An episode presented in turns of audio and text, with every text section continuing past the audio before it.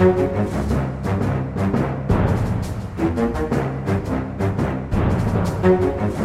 Nei, men eh, Da er vi i gang. Det er eh, faktisk eh, onsdag, og vi lager en podkast som en slags eh, ventepølse på vanlig Aftenboden som kommer fredag denne uka.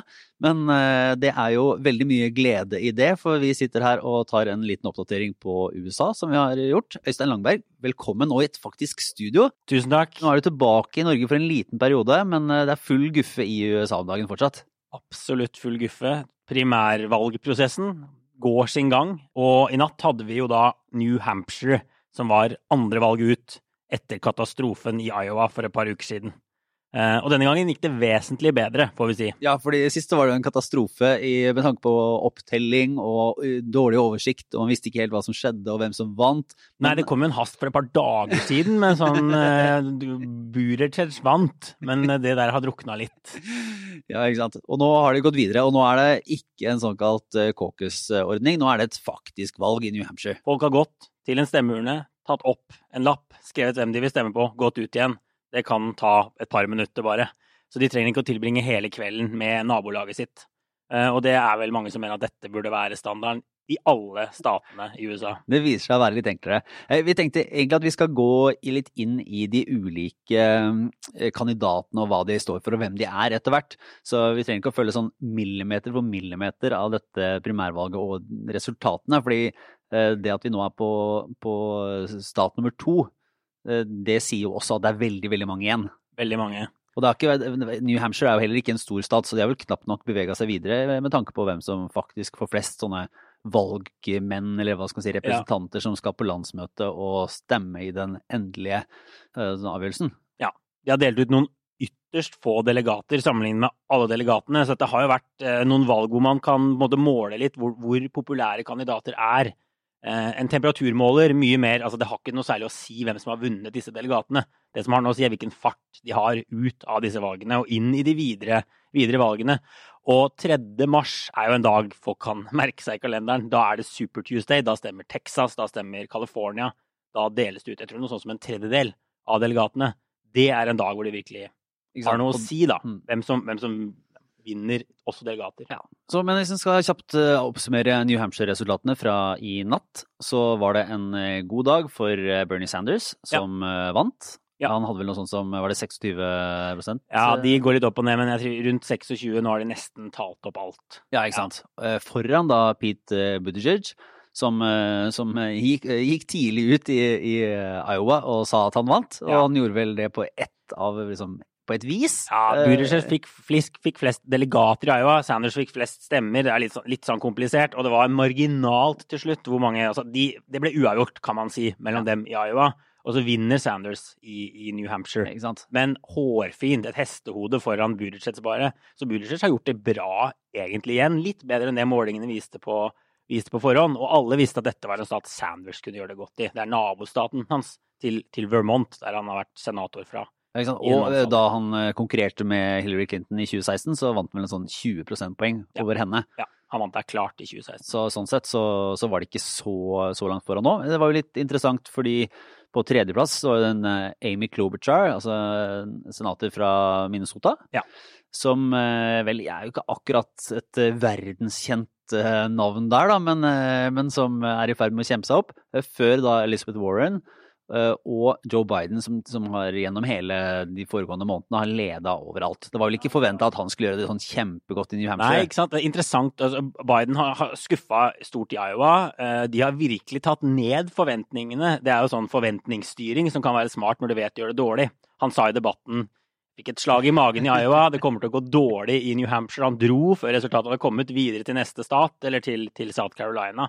Eh, men til tross for at de hadde senket forventningene, så presterte de å gjøre det enda dårligere enn de hadde klart å senke forventningene til. Femteplass er, er veldig dårlig for en mann som egentlig skulle være den store favoritten. Et problem her da er jo at hvis du får under 15 så får du ikke noe uttelling i det hele tatt. Nei, da, da får du ingen delegater. I praksis får eh, antageligvis Buttigieg og Bernie Sanders like mange delegater ut.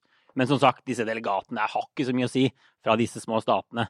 Det er hvilken medieoppmerksomhet du får, hvordan, om donorene strømmer til. Så sånn sett er det kjempebra å gå inn med litt lave forventninger, og så, sånn som Klobuchar, da, vi nevnte Klobuchar, sånn som hun gjør, overraske på valgnatta. Ja, ikke sant? Fordi når hun får da eh, noe, no tullete nordmenn til å sitte i Norge og analysere hennes eh, styrker og svakheter, så er det et løft inn i den viktige videre primærvalgkampen. Ja, jeg regner med at Aftenpoddens lyttere strømmer til og donerer. Ja. Nei, det er ikke lov for utlendinger å donere, dessverre.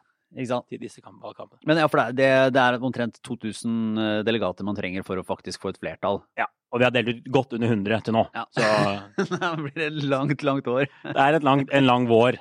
Er definitivt. Men eh, for å se litt, da. eh, Da er det jo egentlig, hvis, eh, hvis På litt sånn nerdenivå så kan du si at ja, ok, Pete Buttigieg eller Amy Klobuchar eller noen av de andre gjør det bedre enn forventet.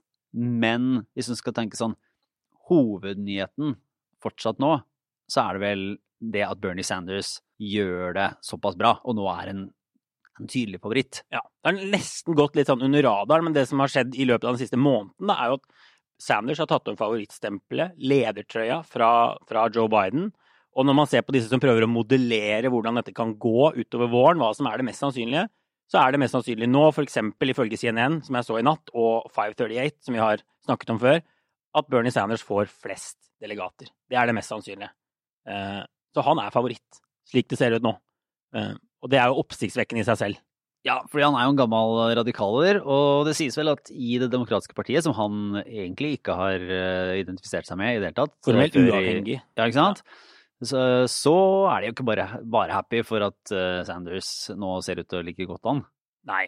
Sanders er en veldig interessant skrue. Han er jo den eldste i et gammelt, gammelt, gammelt felt. Altså, Sanders er 78 år. Han er så gammel! Du ser det når altså, han er sånn Det er en ordentlig gammel mann når du ser på TV. Og de som er litt slemme, sier at han har sagt det samme. Han er god i debatter, han har sagt det samme siden 60-70-tallet. Eh, hatt den samme agendaen. Eh, og virkelig slått gjennom nå, da. Men han har jo vært, vært eh, senator en god stund. Og han ble nesten avskrevet i høst. Han var jo inne med hjerteinfarkt, og da falt han ganske mye på målingene. Det så jo litt sånn mørkt ut. Men så slo han tilbake og er, som vi sa, favoritt nå. Som er helt sånn fascinerende. eh, Det comebacket han har gjort. Og så er det jo, men det var det jo også i eh, 2016, så det er ikke noe overraskelse det sånn sett. Men altså, eh, veldig populær blant de aller yngste. Ja. Er det, noe, er det noen egentlig logisk forklaring på hvordan det henger sammen? At han, er, eh, at han får sånn støtte fra, fra ungdom og på de aller yngste velgerne, men er eh, gammel som en skog, liksom? Ja, Bernie Sanders kaller seg selv eh, ikke sosialdemokrat, men demokratisk sosialist. Og han har den desidert mest radikale agendaen av hele feltet. Så det har en stor appell. Jeg snakka med en del folk i Iowa eksempel, som snakka med en fyr som sa uh, Medicare for all. Han vil innføre et statlig helsesystem, sånn som vi har i store deler av Europa, i Norge. Uh, det betyr alt for meg, sa han. Eh, Han hadde ikke råd til helseforsikring, f.eks. Uh, han vil gjøre noe med studieordningene, den enorme studiegjelden veldig mange amerikanere har. Masse saker som, som appellerer til de unge, da.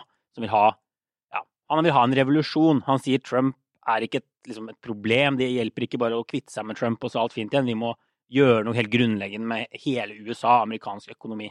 Ja. Og jeg snakker vel I analysen av, eh, av disse kandidatene snakker man jo gjerne om liksom, to hva skal man si, eh, lanes, eller spor. Det at man har et, eh, måte et radikalt spor og et moderat spor. Og Der er jo Bernie Sanders den desidert ledende i det liksom radikale sporet, da, der han ligger sammen med Elizabeth Warren. Mens, mens Buttigieg og Biden og Klobuchar er mer liksom det moderate sporet. Ja. Eh, og det er jo en liksom overordna kamp. Ja. Men eh, Og det har jo vært et spørsmål Mm. hvem som kom til å ta den radikale delen av velg velgermassen. Og det så ut som det kunne være Warren en god stund. Hun gjorde det veldig godt i høst, og så har hun bare sunket på målingene. Og hvis Warren for eksempel dropper ut nå, så kan jo det være veldig gode nyheter for Sanders. Hvis han kan få enda en god del prosentpoeng oppå den oppslutningen han allerede har. Så det blir veldig veldig spennende å se. Men absolutt en radikal person. Han var ordfører i en by i, i Vermont. Eh, Ble det ganske tidlig. Og rett etter at han gifta seg, så reiste han på en, en bryllupsreise til Sovjetunionen. Det er noe som ofte trekkes fram. Og du kan banne på at republikanerne har en million gamle bilder og klipp av ting Bernie Sanders har sagt. Folk han har støtta i ulike mer eller mindre liberale land rundt omkring i verden, klare til å angripe Bernie den dagen han, eh, han eventuelt blir presidentkandidat. For det er jo bekymringa er at han skal være en, altså kaller seg sosialist, og det er sett på som en negativ ting, og som kommer til å, å drive unna de velgerne som ligger i midten da. De som, ja. som, typisk i de få statene som egentlig kommer til å avgjøre da, da, er ikke, da, er det ikke, populært å kalle seg sosialist. Du skal prøve å få over noen av de som stemte på Trump sist. Nei, de vil bruke samme grep som de gjorde mot Jeremy Corbyn i Storbritannia. Mm. Eh, Båndet hans, ting han har sagt opp gjennom årene. Eh. Vi skal gjøre en tankeøvelse og prøve å tenke Bernie Sanders inn i norsk, en norsk politisk virkelighet eller et norsk politisk persongalleri. Ah. Hvem er det som er Bernie Sanders i norsk politikk? Han må i hvert fall være på venstresiden. Altså, når, når sånn skal sies, så ville jo Bernie Sanders antakeligvis ha trygt plassert kanskje litt til venstre i Arbeiderpartiet i Norge. Men, så det spørs litt hvordan du ser for deg ja, nei, den konkurransen her. Jeg kan relativisere det, da. Sånn at, men, men, men, Bernie har jo vært en, liksom en urokråke lenge. Som vi sa, ikke medlem av Det demokratiske partiet. Eh, stemt mot demokratiske presidenter eh, mange, mange ganger i, i Kongressen. Eh, så jeg vet ikke, altså Mimi Kristiansson, kanskje? om 60 år. om 150 år. Ja, ja. Uh, journalist. Nå har han forsøkt å bli ordfører i Stavanger. Mm, ja. Kanskje det er, er, ikke så lett med Bernie å si akkurat hvem han skulle vært i Norge. Det er litt sånn der, uh, Hallgeir Langeland som satt og var sånn raddis, sånn langåra røykende raddis i SV, men han var jo ganske partilojal. da. Og her er det jo en som på en måte egentlig ikke har forholdt seg til partiet, for han har jo vært mer eller mindre aleine i Senatet i 30 år mm. og, og, gjort som han vil og liksom uh, ropt litt sånn fra sida. Uh, men altså, hvis vi skal følge inn i den, den rekka da, og den, det sporet, og se på Elizabeth Warren som eh, jo regnes som en konkurrent for de mest radikale. De er vel egentlig ganske gode venner, er de ikke det? Eller er de uvenner? Det skjønner jeg aldri helt. Nei, de, de, de har vært regna for å være gode venner, og noen trodde jo de på forhånd kom til å bli enige om Bernie stiller ikke, han stiller seg bak Warren, Warren stiller i år, det er hennes tur. Eh, men det gjorde det ikke. Det var ikke noe sånn koordin nei, nei, koordinasjon. Vi snakka jo her for et par uker siden om kranglinga de hadde på, ja. etter en debatt her. For Faktum er jo at de krangler om de samme velgerne. Ja. Og, det jo, ble jo ganske bitter for noen uker siden. Men Warren er jo en sånn universitetsprofessor, ble hentet inn av Obama under finanskrisen. Uh, hun er på en måte en flinkis. Litt sånn barneskolelærer. Også bare sånn i klesstilen og hele pakka. Hun er også ganske gammel, 70, men hun fremstår vesentlig yngre enn noen av disse mennene. ja, det, det, var som, det, var noen som, mm. skrev et sted at, at, at uh, Bernie Sanders er i 70-åra. Ser ut som han er 90. Mm. Mens Biden ser ut som han er 80, og hun ser ut som hun kanskje er 60. Ja. Men selv om de egentlig ikke er så ulik alder. Ja, men, men så, så, Warren er, er en superinteressant dame. Hun har masse sånne planer, masse politikk som hun har lagt fram. Klart mest detaljert i hele feltet. På bussen hennes så står, det, står det sånn 'tut hvis du er klar for store strukturelle endringer'. Så ordentlig sånn, ordentlig sånn nerdete. Bare, er det den norske ekvivalenten er sånn Trine Eilertsen blir uh... Ja, kanskje det er Trine Eilertsen som er den norske ekvivalenten. Det hadde jeg ikke tenkt på, for jeg sleit litt med å for det må være noen flinkiser litt til venstre i Arbeiderpartiet, kanskje? Ja, kom, inn i, kom, inn i, politikken litt seint. Uh, ja, men det er Trine Eilertsen. Ja. Her er det står og bare kommunereform, eh, strukturreform, utredningsinstruksen. Her er planen min. Jeg tror jeg må ta via, ta via Eilertsen sjøl og høre hva hun har å si til den sammenligningen der. Ja, du får gjøre det på, på fredag. Eh, men hun er jo en eh, Warren er jo da liksom en, en flinkis-politiker som vel appellerer mer til de med høy utdannelse. Ja enn liksom, arbeidsfolket. Og en kjønnsfordelinga mellom disse kandidatene og hvem som stemmer på hva, er jo, er jo en interessant uh, interessant perspektiv. Og der ser du at, at uh, Bernie Sanders har mange flere menn enn det egentlig de fleste andre har. Og det blir jo paradoksalt nok i et sånn hva skal si, liberalt og venstreorientert demokratisk parti nå sett på som en styrke. Og Det er jo kanskje derfor man har endt opp med eh, bare gamle hvite kandidater også, fordi at han har så lyst til å vinne disse Midtvesten, eh, tidligere arbeid, liksom arbeiderklassevelgerne. Mm. Tror at man må konkurrere litt på Trumps banehalvdel for å komme noe videre. Ja. Og der er det mulig at Elizabeth Warren, som heller ikke er så veldig sånn populistisk eller, altså, hun, er litt populistisk, i den forstand ja. hun, alltid går, hun snakker alltid om korrupsjon. Så fort hun får ordet, så er korrupsjon i Washington Hun er ganske sånn hard, nesten litt sånn Trump-aktig i noe, noe, av retorikken. Eh, drain the swamp, eh, på en måte. Mm. Men, men, Warren er i en kinkig situasjon nå. Hun skuffa ordentlig i, i New Hampshire. Uh, som du sier, hun appellerer til høyt utdannede, sliter veldig minoritetsbefolkningen, som blir veldig viktig de neste statene. Altså det er rundt 10% som er minoritetsamerikanere i, i, Iowa og New Hampshire. Det er mange mange flere i Nevada, South Carolina, som kommer, som kommer, som neste. Så det er vanskelig å se hvordan Warren skal komme tilbake. Og det er jo på en måte mest sannsynlig kanskje nå at hun bare fader litt sånn ut eh, av det hele. Eh, og vi sliter med å få nok penger og sånt til å kunne gønne på videre.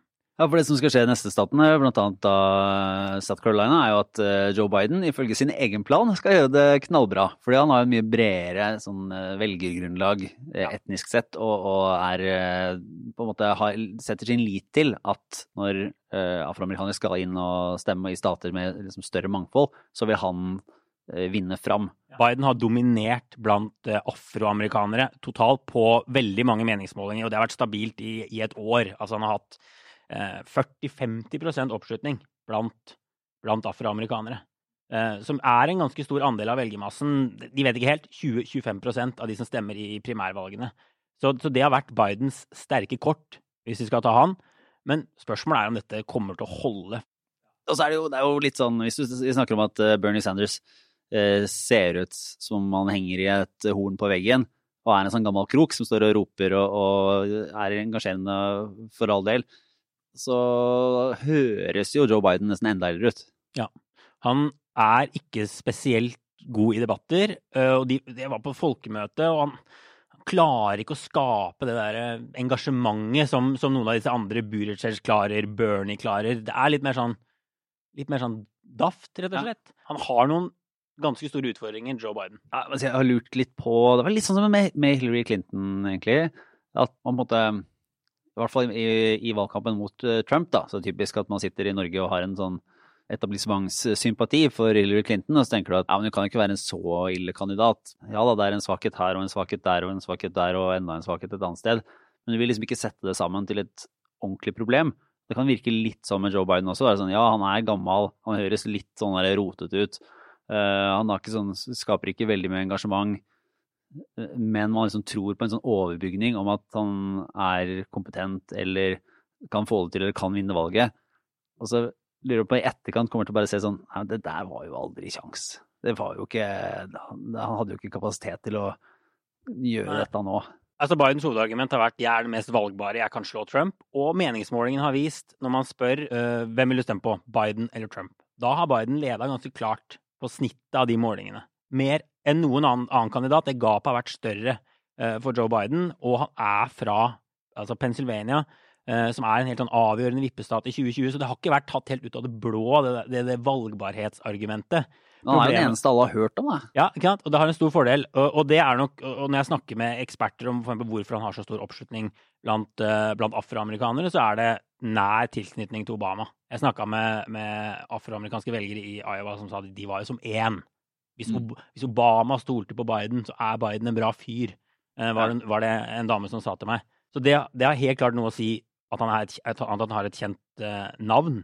Og jeg tror det slår ganske store sprekker i valgbarhetsargumentet nå, når man ser hvor dårlig han gjør det i disse to, har gjort det i disse to nominasjonsvalgene, når velgerne faktisk skal ut og stemme han sliter med å si at han er det mest valgbare nå. Det blir sånn ordentlig temperatur i valgkampen denne uka her, da denne, det var en eh, video som kom fra Biden-leiren mot eh, Pete Buttigieg, som var så brutal at den må, bare, den må anbefale til alle å høre, der han går gjennom det Biden har gjort. ikke sant? Jobba med finanskrisa, eh, har drevet mot eh, liksom, antivåpenlovgivning, har vært for eh, liksom, homofilt ekteskap. En del sånne store ting som som Biden fikk ansvar for som visepresident, satt opp mot hvordan Pete Buttigieg, da, som var eh, ordfører i en relativt liten by, eh, fikk eh, fiksa gatelys, eh, dekorativ murstein på bakken. Ja. Altså et, et, et, Mens Biden redda verden som. Obama, så, så fiksa flikka Buttigieg på en liten by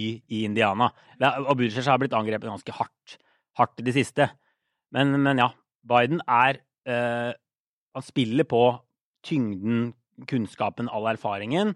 Og så er det veldig mange som liker han. De kjenner han godt. Han har en ekstremt sterk personlig historie. Eh, første kona hans døde i en bilulykke sammen med første datteren. Sønnen, en sønn av han døde av kreft for noen år siden. Så det er veldig mange som mener at han er en mann med veldig mye empati. De føler at de kjenner Joe Biden ganske godt. Så han har, han har en helt egen sånn connection med velgerne. Så får vi se hvordan det går. Man kan ikke avskrive Biden ennå. Men eh, hvis du skulle plassert eh, han i et norsk eh, persongalleri? Altså, jeg, jeg, sleit, altså, jeg skulle skrive en kommentar, for det første, for nå har det blitt et halvt år siden, og prøve å sammenligne alderen hans. eh, med, med, norske politikere. Og det er jo sånn at han er bare noen, ikke så mye yngre enn en Gro Harlem Brundtland, for eksempel. Så skal man sette for seg kanskje hun vurderer et politisk comeback. Altså, han, han er en gammel mann. Altså, Gro er nok ikke den beste sammenligningen. Biden har jo ikke, har jo ikke vært leder, han har vært visepresident. Men kanskje, kanskje Sigbjørn Johnsen som har vært en sånn nummer to. Altså, Problemet med Sigbjørn Johnsen er at han er for type. ung. Ja. Nesten ti år for ung, uh, tror jeg. For, uh, så kanskje Sigbjørn Johnsen gjør comeback om sju-åtte år. Og vil bli statsminister. Det har vært bra. Bli statsminister. Det er kanskje litt, litt sammenlignbart. Men Nei. vi kan kanskje ta Buttigieg, da. Ja. Uh, vi kan jo starte med navnet hans, ja. som har skapt mye problemer. Kampanjen hans har jo skrevet med store bokstaver på sånne lapper og inne på kampanjehovedkvarteret. Boot, edge, edge. Som i kanskje støvel, kant, kant. Ja. og så kan man gjenta det mange ganger. Og på, når det er rally, så roper tilhengerne boot, edge, edge, boot, edge, edge. De har lært seg navnet. Men det er lov til å si Mayor Pete. Ja, ja, fordi han har jo da Han har på det omfavna det at han har vært en sånn småbyordfører. Også vært eh, soldat. Eh, har vært eh, jobbet for CIA. Har gått på Harvard Har jobba i McKinsey, konsulentselskapet. Ja. Han er jo en sånn skikkelig flinkis-type. Altså hvis, hvis, Warren er flinkis, så er altså Buttigieg flinkis 2.0. Han har på en måte eh, Han tikker alle boksene. For nordmenn så kan han jo til og med snakke litt norsk. Han lærte ja. seg norsk for å lese eh, bøker av Erlend Lo. Han kan Jeg husker ikke hvor mange språk det er. Seks-sju. Ja, så det er jo definitivt, definitivt flinkis. Men han er jo også på en måte Det er jo sånne folk det er veldig lett å mislike hvis man er litt uh, negativt innstilt. Og det var jo, jeg lest, Den eh, radikale delen av Det demokratiske parti har jo nå samla seg litt i en liksom klassisk ikke hat akkurat, som en liksom kritikk av han som en sånn etterfølgeren til Hillary Clinton. og som er etablissementets Han er bare en sånn broiler som er lagd av alt det som egentlig er litt kjipt i systemet. Jeg leste en, en brutal profil i dens nettside Current Affairs av en åpenbart fiendtlig innstilt kommentator eller journalist, da, men som mente at eh, alle de tingene som er liksom kvalifiserende for Pete Buttigieg, da, er ikke sant, Han har eh, vært eh, Han er egentlig vokst opp med liksom to foreldre som er professorer ved Notre Dame-universitetet. Han har gått på Harvard, han var sånn road scholar i til Oxford, han har vært i CIA, han har vært i McKinsey. Liksom, han, argumentet der er at alle som får til de tingene, har måte, ikke noe opprør i seg. Da. Måten å få til det i det amerikanske samfunnet i dag, er å følge alle regler og bare måte, smiske oppover. Og aldri ta fighten for de som sitter nederst ved bordet. Og det er jo egentlig kjerneargumentet fra mange av de som er mer sånn Bernie Sanders-fans, ja. som sier at han, Bernie Sanders har alltid vært en outsider. Pete Buttigieg har alltid kjempa for å være en insider og gjort alle de riktige tinga. Ja. Og han er definitivt moderat. Han kjemper om de samme velgerne som, som Biden. Vi nevnte, vi nevnte Klobuchar. Um, men altså, vi, vi, vi, får se hvordan det går med han. Uh, han gjorde det overraskende bra i Iowa. Han gjorde det overraskende bra i New Hampshire. Han har fått vanvittig harde angrep. Du nevnte Biden. Han har fått harde angrep fra alle de andre kandidatene. Og de har jo et poeng med manglende erfaring. Man setter spørsmål altså, Hvor bra gjorde han det egentlig i denne byen med 100 000 100 000 innbyggere. Det er lite i amerikansk, amerikansk målestokk, definitivt. Og så får han kritikk, som sier venstresiden. Han, han godtar eh, donasjoner fra, fra søkkrike milliardærer, den type ting. Det er det jo en del av de andre som nå sier nei til.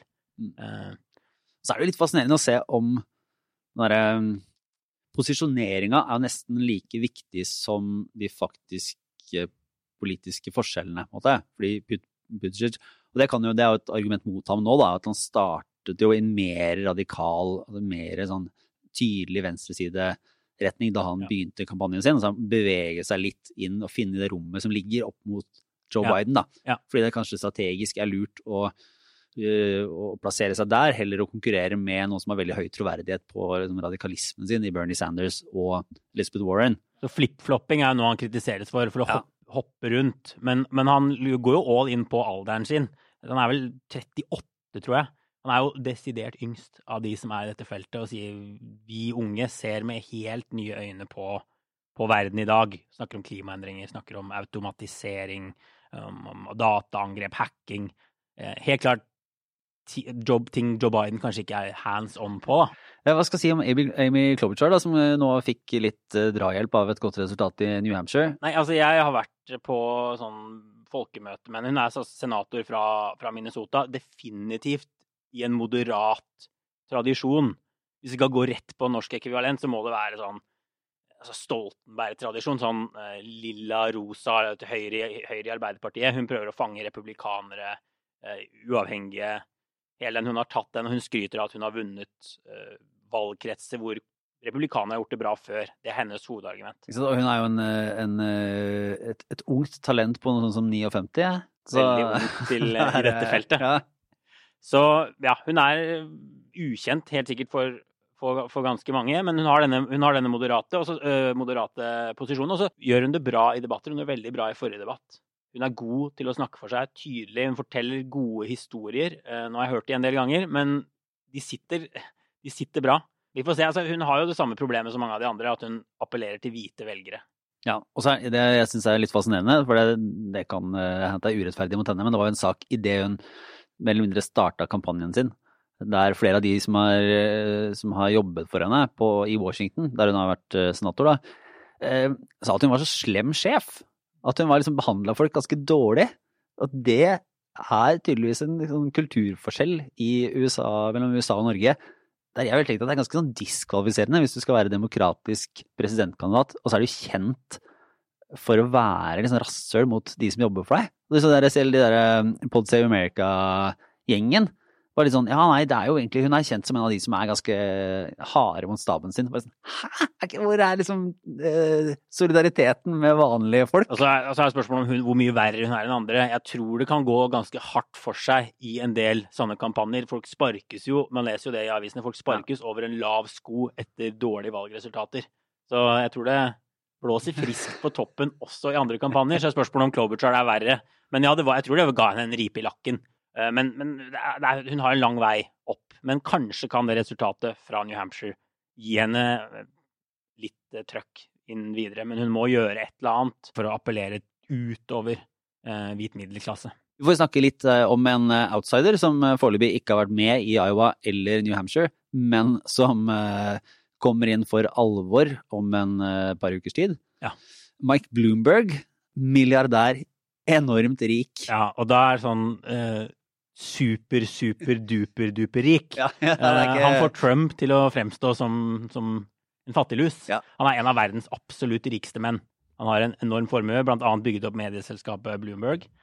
Og nå har han bare tatt sats og, og bruker formuen sin på reklame over i de store statene. Han teppebomber USA med TV-reklame, reklame på Google. Hver gang jeg googler et eller annet når jeg er hjemme i New York, så kommer det en en reklame for Mark Bloomberg øverst. Så det, dette koster penger. Han har brukt siden av flere milliarder norske kroner på noen måneder. Det er helt sånn uten presedens i amerikansk politisk historie. Det kommer til å bli så, så dyrt. Men det betaler seg. Nå har han steget opp på de nasjonale målingene ganske mye. Han er godt over 10 nå. Eh, og det er det ikke så mange andre kandidater som er. Uten at han har deltatt i et eneste valg eller stått på en eneste debattscene. Og han kom jo da inn med erfaring fra å ha vært Eh, vært borgermester i New York i tre perioder. Sånn sett eh, gjort suksess der. Men han var jo på et tidspunkt Man var republikaner. Man har i hvert fall sagt at han stemte på uh, George W. Bush. Ja. Og, og, har jo også da vært ansvarlig for en del sånne En del politikk i New York som nå ses på som Eh, blant annet det som heter en stop and frisk, altså en sånn kriminalitetsbekjempelsesmetode som nå er sett på som, som gikk svært hardt utover eh, svarte amerikanere. Da. Det var på en måte anerkjent i ettertid mer eller mindre som en litt sånn rasistisk policy. Han har lagt seg langflat. Han har sagt at han har det er, det er liksom hans hvite privilegium som gjør at han har kommet så langt. En svart person ville kanskje aldri klart å nå dit han er pga. hudfarge. Han har virkelig gått rett inn i disse tingene da, for å prøve å appellere til de, til de som prøver å kritisere han for dette.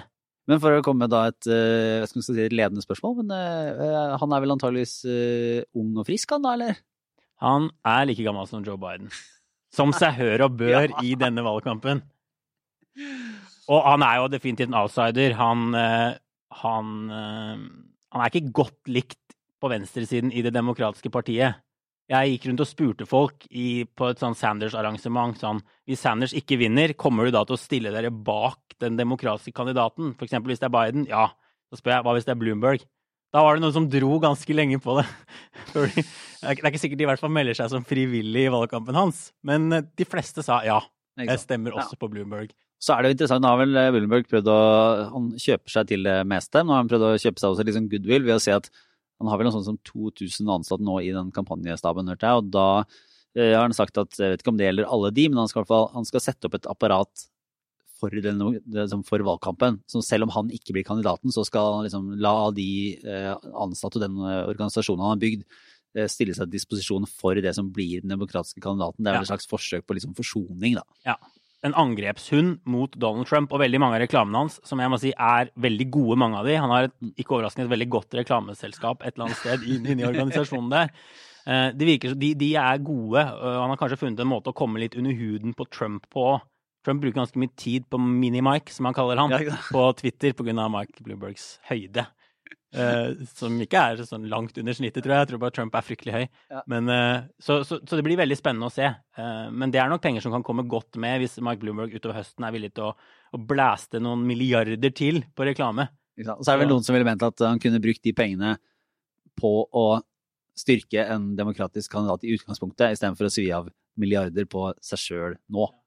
Men ting har gått Mike Bloombergs vei, da, bare for å si det til slutt. eh, at det er jo veldig uavklart. Vi sier at Bernie Sanders er favoritt, men han er jo ingen soleklar favoritt. Dette kan klappe sammen også for Bernie Sanders. Og jeg tror Mike Bloombergs håp er at det skal være totalt kaos, og at han kan seile fram som en sånn uh, kandidat som kan stige opp av kaoset og på en eller annen måte få med seg nominasjonen.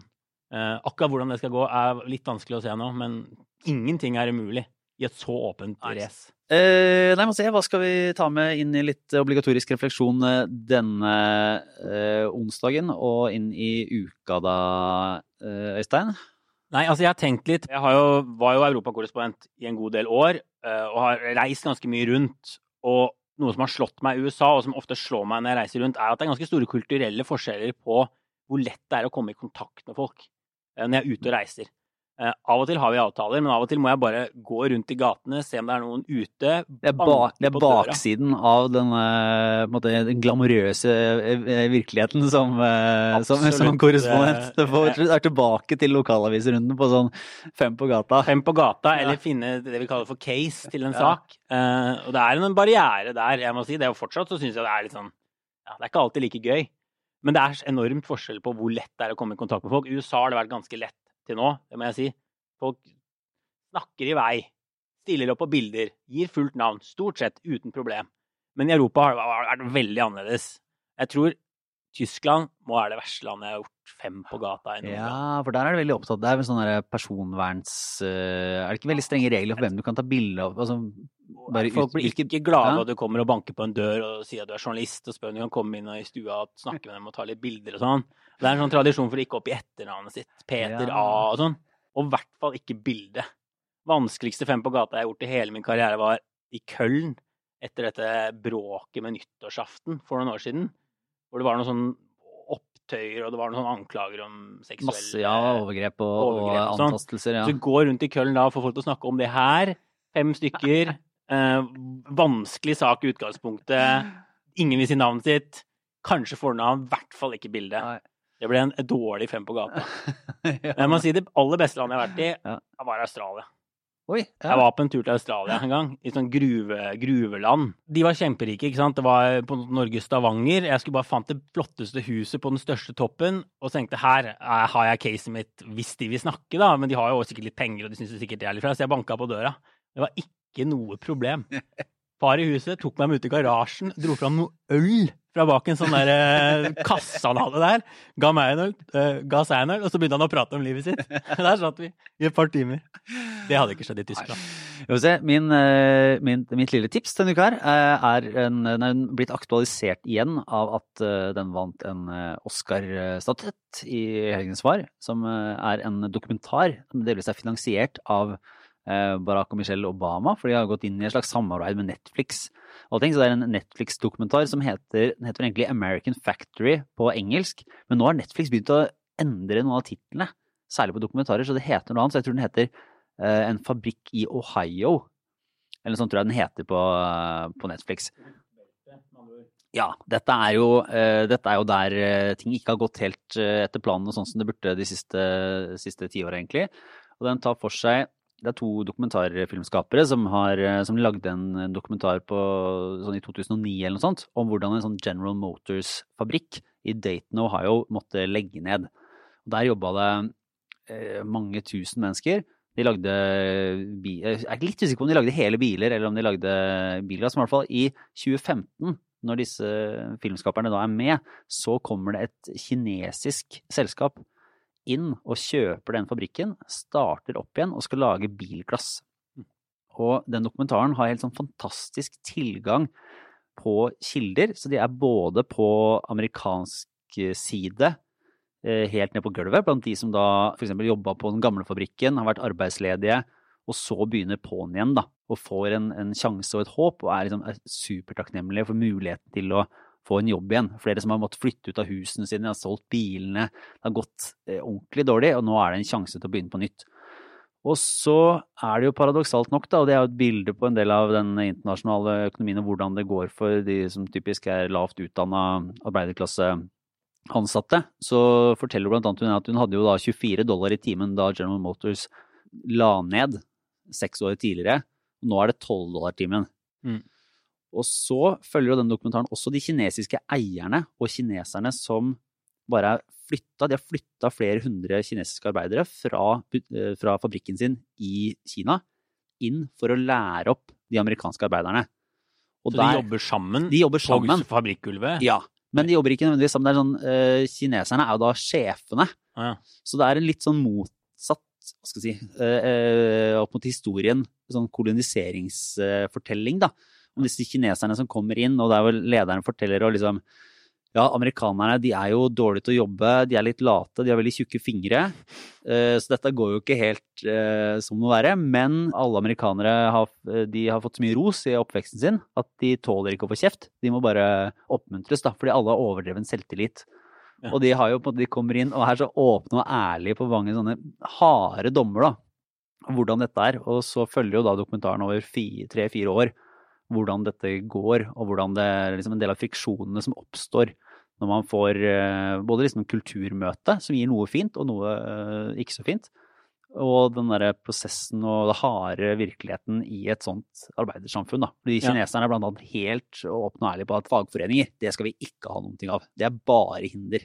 Det er vel en del amerikanere som også sikkert ja. synes. Oppi systemet. oppi systemet er det en kritikk av globalisering? Altså, det ligger jo en implisitt kritikk av sånn systemet, men den er produsert på en veldig fin måte. At det er ingen sånn, ingen, det er ikke sånn Michael Moore, forteller, hovedperson, journalist som går inn og eh, mener masse. Mener masse, liksom stiller seg på, ja, på gulvet utafor eh, hovedkontoret og, og, lager en scene. Men det er den ekstreme tilgangen som gjør at du er inne på møtene der de snakker om hvordan de skal knuse fagforeningsforsøket og man er med amerikanere som er på besøk i Kina og ser hvordan kineserne, da, som jobber én fridag i uka, jobber med sånn militært eh, presisjon, lager da et mye bedre produkt, det går mye fortere. Mm. Men alle, både kineserne og amerikanerne, er jo i stor grad undertrykt av det samme systemet. Kineserne vinner fordi de dropper alt det som de, de eh, kinesiske arbeiderne har, får ikke bo sammen med familien sin, de har ikke noe fritid, de flyttes rundt i hele verden. Mm. Og så er de både vinnere og tapere i den her. Da. Så det var en fascinerende innblikk i noe man vanligvis uh, ikke får se innsiden av. Ja, nei, det, det, og det som er interessant, høres ut som, er jo at ofte så blir jo disse, disse jobbene flytta til utlandet, til Kina. Og det er jo en liksom fjernt, vagt fenomen. Hva skjer egentlig der? De vet bare at eh, vi er ikke konkurransedyktige lenger. Det er jo interessant når man får det til USA og måte ser effektene av konkurranse fra lavkostland mm. direkte sånn på den måten hjemme i USA som er en litt annen måte, og litt mer sånn tydeliggjørende, sikkert, ja, på effekten av globalisering. Og, og, presset på de for å hive seg på, da, fordi alternativet for de amerikanske arbeiderne er jo ikke at noen andre kommer inn og opprettholder den fabrikken. Så De får se hvor lista ligger ja. rett utafor huset sitt, på en måte. Ja, ja hjemme er hjemstaden. Ja, dette er, det, er liksom, det, er det, det, sånn den, det, det, senker jo nivået. Den, det blir en konkurranse nedover da, i arbeidsvilkår i stor grad. Så, så det kan anbefales. Jeg vil ha, hva heter det, da en fabrikk i Ohio eller uh, An American Factory, jeg tror den heter. da. Så jeg tror vi kanskje gir oss med det. Ja, jeg skal bare sende en takk til de lytterne som har gitt meg navn, tips til navn jeg kan bruke på kafeer i USA. Ja. Jeg sa at jeg het Peter, men Jeg har fått tips på Austin fra flere Ja. som jeg har testa, og som jo selvfølgelig fungerer perfekt. Austin kan jo alle, Ja, ja, ja. alle stave i Ja. USA. Det er jo ganske likt som Øystein, så jeg føler ikke at jeg ljuger heller, så tusen takk. ja, ikke sant. Da løser vi et lite problem uh, underveis. Du kan Eh, også ta imot tips hvis noen har noen på norske politikere som ligner på amerikanske, som er litt bedre enn våre. Ja. ja, det er, jeg tror fortsatt det er rom for å Det er fortsatt mulig å gjøre noe der. Ja, nei, men eh, det er fint. Takk for det, Øystein. Vi er tilbake med en jeg må si, vanlig norsk eh, Aftenpodden på fredag. Og så er vi vel tilbake med noe fra USA også etter hvert. Supert. Eh, Det var Øystein Langberg, Lars Klomnes. Ha det bra.